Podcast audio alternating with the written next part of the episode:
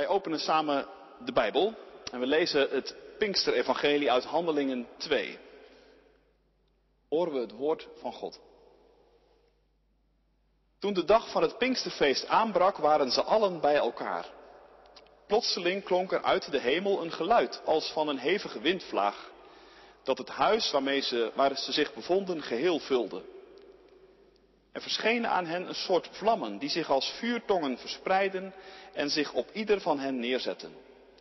En allen werden vervuld van de Heilige Geest en begonnen op luide toon te spreken in vreemde talen, zoals hun door de Geest werd ingegeven.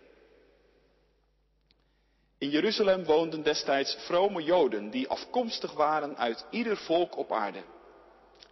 Toen het geluid weer klonk, dromden ze samen en ze raakten geheel in verwarring, omdat ieder de apostelen en de andere leerlingen in zijn eigen taal hoorde spreken. Ze waren buiten zichzelf van verbazing en zeiden, het zijn toch allemaal Galileërs die daar spreken. Hoe kan het dan dat wij hen allemaal in onze eigen moedertaal horen?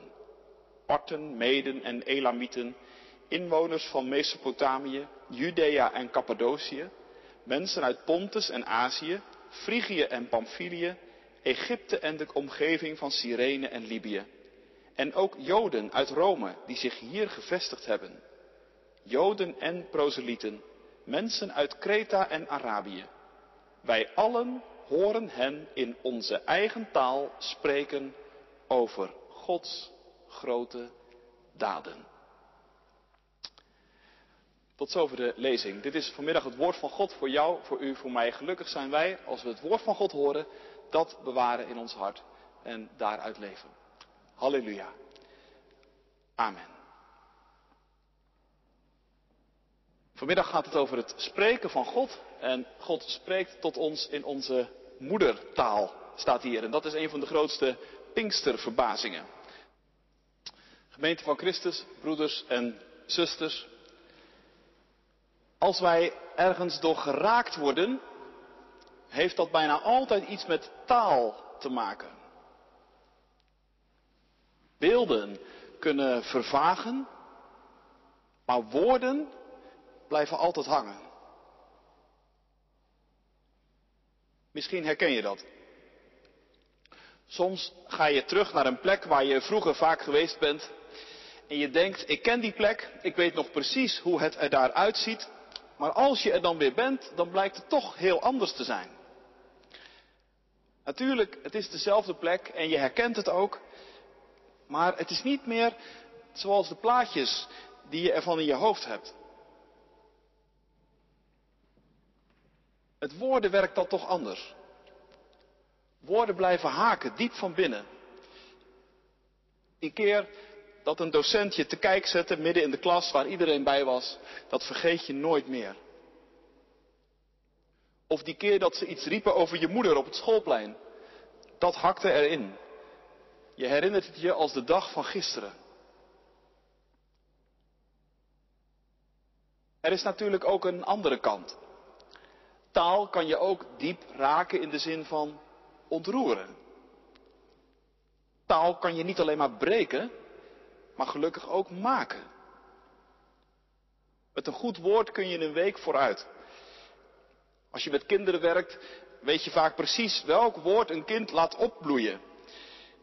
En als je een Bijbeltekst mee hebt gekregen toen je beleidenis deed, of getrouwd bent, of ooit een kind ten doop hield, dan zijn dat woorden die je koestert en misschien wel letterlijk inlijst. Taal doet iets met je. Taal doet ook iets met een ander. Wat precies, dat weet je lang niet altijd. Taal is ook heel raadselachtig, het is een geheim. Zeker als het gaat over je moedertaal. De taal waarin je als kind je allereerste woordjes leerde spreken. De taal die je gevormd heeft. Waarin je hebt geleerd om te zeggen wat je denkt en voelt. De taal waarin je de wereld hebt leren ontdekken. Die taal die er al lang was, voordat je een woord kon uitbrengen. Die taal, die blijft je leven lang je moedertaal.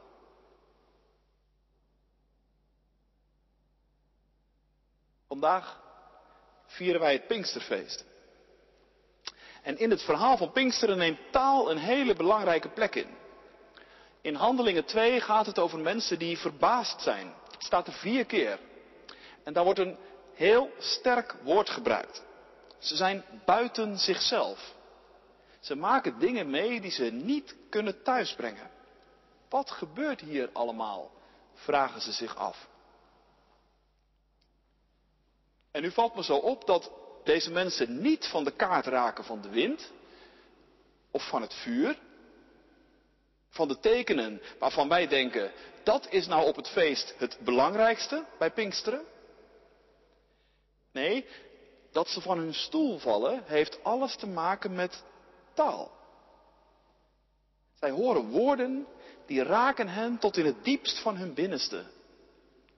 Omdat het woorden zijn in hun moedertaal.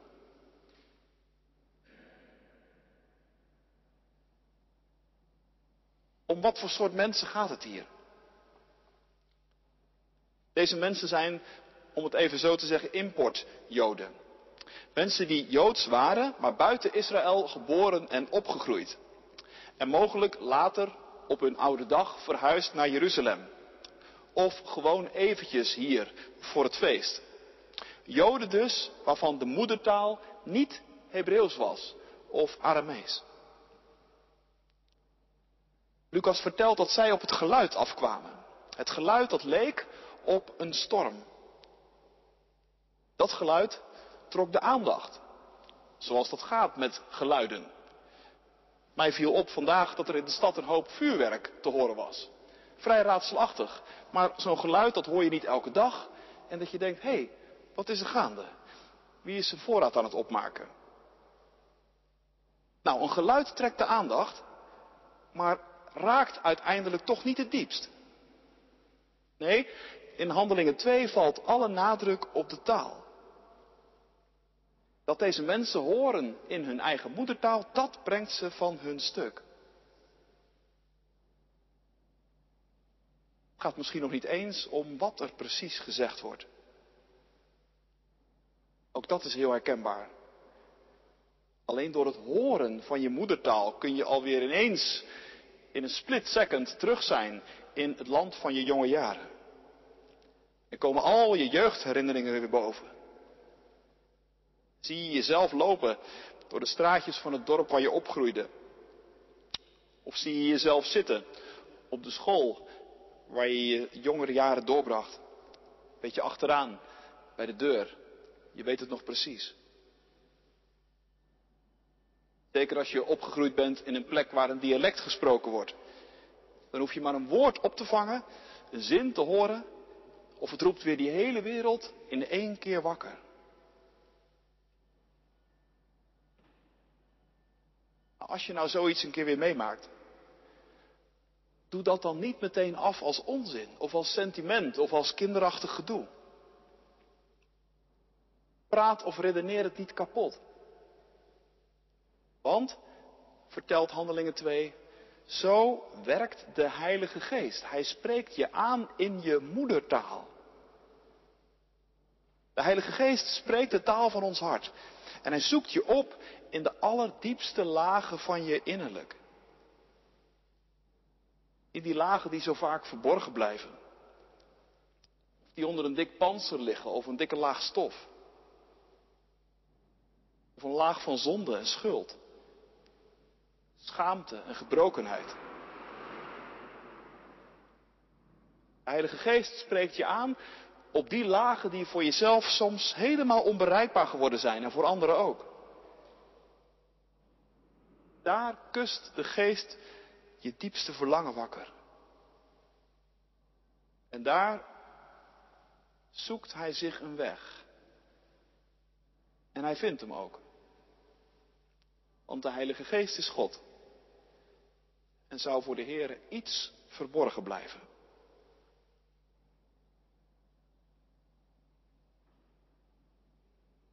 Nu ja, Onze moedertaal dus. Er is niemand die die taal zo goed spreekt als de Heilige Geest van God.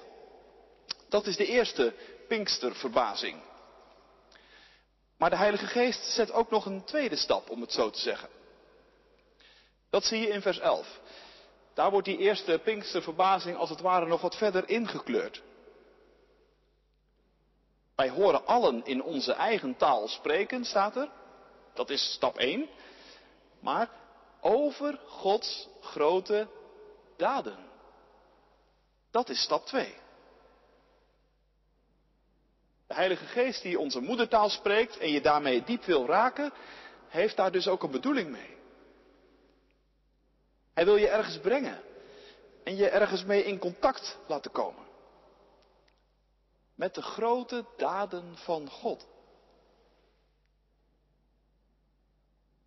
Daar moet je eens even over nadenken vanmiddag. De Heilige Geest brengt jouw diepste innerlijk en de grote daden van God bij elkaar. De Heilige Geest wil in je moedertaal met jou over God praten. En dan gebeurt er wat. Als die twee, je moedertaal en de grote daden van God elkaar raken, dan is het Pinksteren.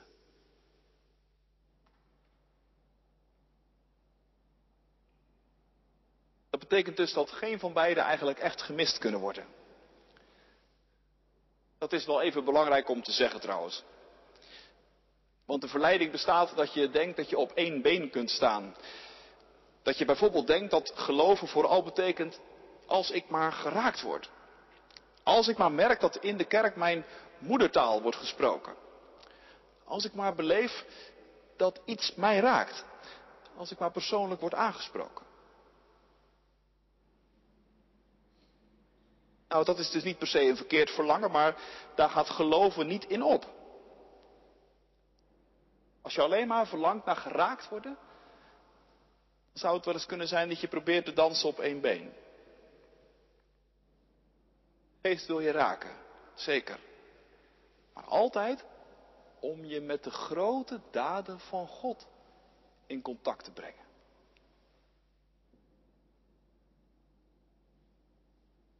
Andersom kan ook. Dat je in je geloof helemaal gericht bent op de grote daden van God. Dat je alles weet van de Bijbel. Dat je de verhalen over de uittochten, over de profeten, over de ballingschap en over Jezus, over kruis en opstanding. Dat je ze van binnen en van buiten kent. Dat je ook nog heel wat hoofdstukken geloofsleer tot je hebt genomen. Niemand hoeft jou eigenlijk meer iets wijs te maken. En in gesprekken of discussies weet je vaak precies waar het over gaat. En je mening, nee, die steek je ook niet onder stoelen of banken. Je geloof past ook keurig in een boekje en het is heel rechtzinnig. Maar om nu te zeggen dat het je ook wel eens diep raakt van binnen, dat je het idee hebt, nu spreekt de geest van God mijn moedertaal. Nee, dat ken je eigenlijk niet. Nou, ook dat is op één been dansen, zou je kunnen zeggen. En ook hier geldt weer dat met kennis en met het hebben van een mening of een overtuiging natuurlijk niks mis is. Maar ook daar gaat het geloof niet in op. Je kunt ook met al je kennis en met je geredeneer het werk van de geest blokkeren. Want de geest wil niet alleen maar dat wij de daden van God uit een boekje kennen. Hij wil er ook in onze moedertaal met ons over spreken. Zodat die grote daden van God een levende werkelijkheid voor je worden. Dat je niet alleen veel over God weet, maar Hem ook vertrouwt. Je niet alleen precies weet wat God van je vraagt, maar er ook plezier in hebt om Hem te dienen.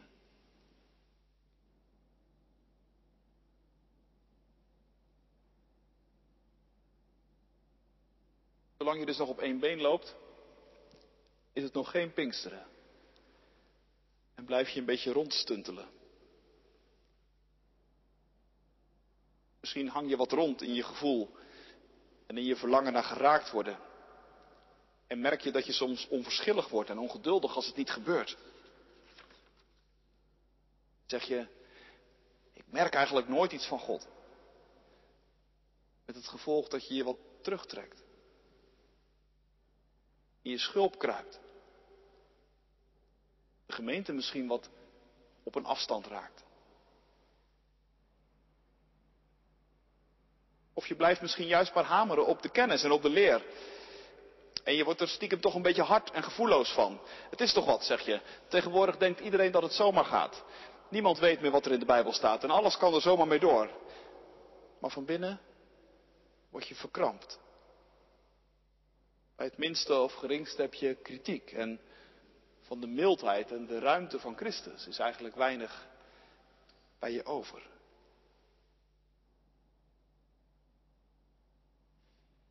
Nou, vandaag word je op dit Pinksterfeest uitgenodigd tot een dans. Een dans op twee benen. En dat is de dans van het geloof, waar de Heilige Geest je vanmiddag toe wil verleiden. Daarover, daarvoor gebruikt hij getuigen. Mensen die in jouw moedertaal over de grote daden van God spreken. Hier in de kerk worden ze vanmiddag uitgezegd voor je. En de Heilige Geest zorgt ervoor dat het zo gebeurt dat je ze in je moedertaal hoort. In ieder geval voor de meeste van ons vanmiddag geldt dat. Je moedertaal. Letterlijk. Wij spreken Nederlands vanmiddag. Voor de meeste mensen is dat fijn en vertrouwd. We hoeven niet eerst Arabisch te leren om mee te mogen doen, of Hebreeuws, of Latijn. Maar ook op een dieper niveau spreekt de geest van God onze moedertaal. Als je merkt dat je, dat je doorkrijgt dat het evangelie echt antwoord is op je diepste vragen en verlangens. Als je merkt, ondanks misschien al je vragen en je twijfels, dat je denkt, als er één is aan wie ik me kan geven, dan is het Christus. Want zijn geest spreekt de taal van mijn hart.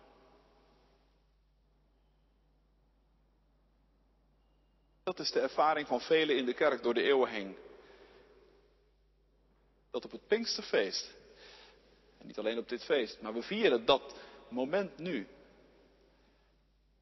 dat het hart van God en ons hart bij elkaar komt.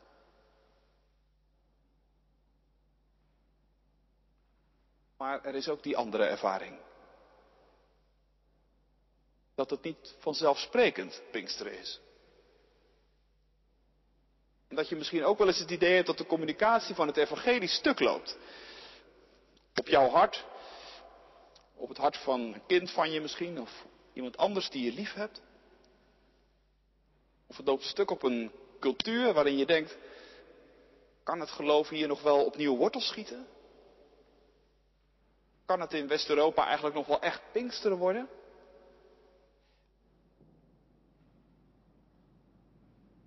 Nou, tot slot daarover drie dingen. Het eerste is dit. Als je nou herkent dat Pinksteren niet vanzelfsprekend is, dan is dat niet alleen maar verlies. Dat zou ik het als eerste over willen zeggen. Daar kan zelfs geestelijke winst liggen. Want meer nog dan de generaties voor ons leert de Heilige Geest ons vandaag dat we zonder Hem echt niets kunnen doen. De kerk is niet vanzelfsprekend. En Pinksteren kunnen wij niet zomaar even fixen. Op Pinksteren kun je wel bidden. En je kunt er verwachtingsvol naar uitzien. Dat gebeurt dan ook in Handelingen 1. Daar zijn mensen die zich vurig en eensgezind wijden aan gebed. Want dat had Jezus gezegd. Laten wij dat ook doen. Bidden dat de grote daden van God voor ons gaan leven. Voor onszelf, voor onze kinderen. Voor mensen die naast je in de bank zitten. Voor de stad. Voor je collega. Als je zo bidt, dan wordt het echt Pinksteren.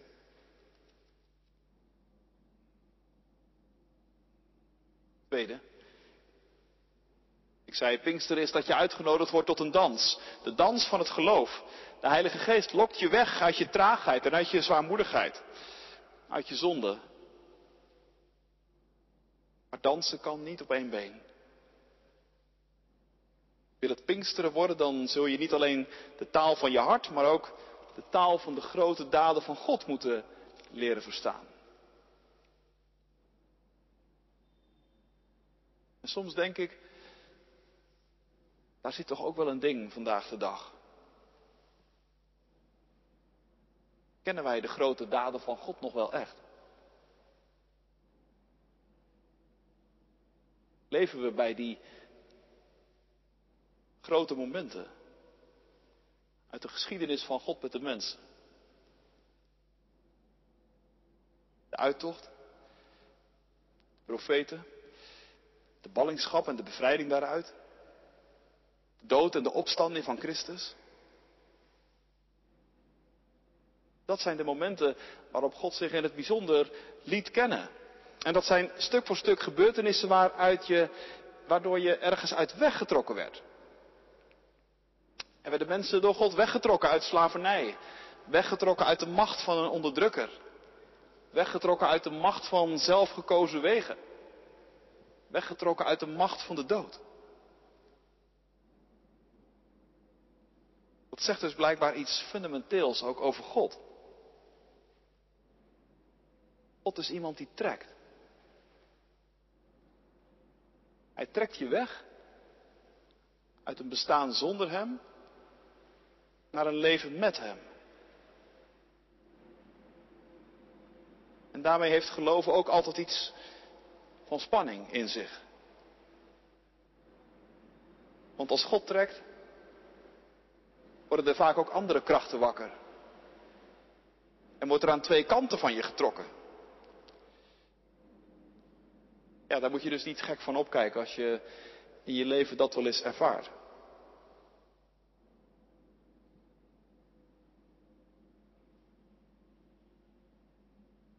Maar als je niets van die grote daden van God begrijpt, weet, dan begrijp je die verwarring dus ook niet. Dan denk je misschien, wat ben ik toch eigenlijk een treurig soort christen. Geloven maakt me helemaal niet zo stabiel en zo gelukkig en blijmoedig als ik ervan verwacht had en gehoopt. En je zou er misschien bijna het bijltje bij neergooien. Terwijl God juist met je aan het werk is. En Pinksteren volop gaande is in je leven.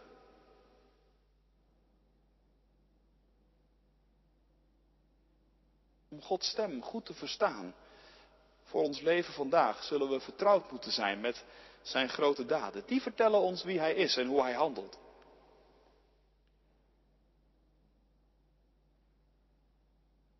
En tenslotte, geest van God werkt vaak al lang voordat wij er ook maar iets van zien. Voor ik u kende, zegt Augustinus, kende u mij al. Ik was nog lang niet bij u, maar u was al wel heel dicht bij mij. En dat is nou ook echt Pinksteren. Voordat Petrus straks aan zijn preek begint, is de Heilige Geest al lang met al die mensen bezig. En dat geeft ons vandaag moed om door te gaan. Moed om te volharden in gebed en in geloof. Kom, Heilige Geest van God.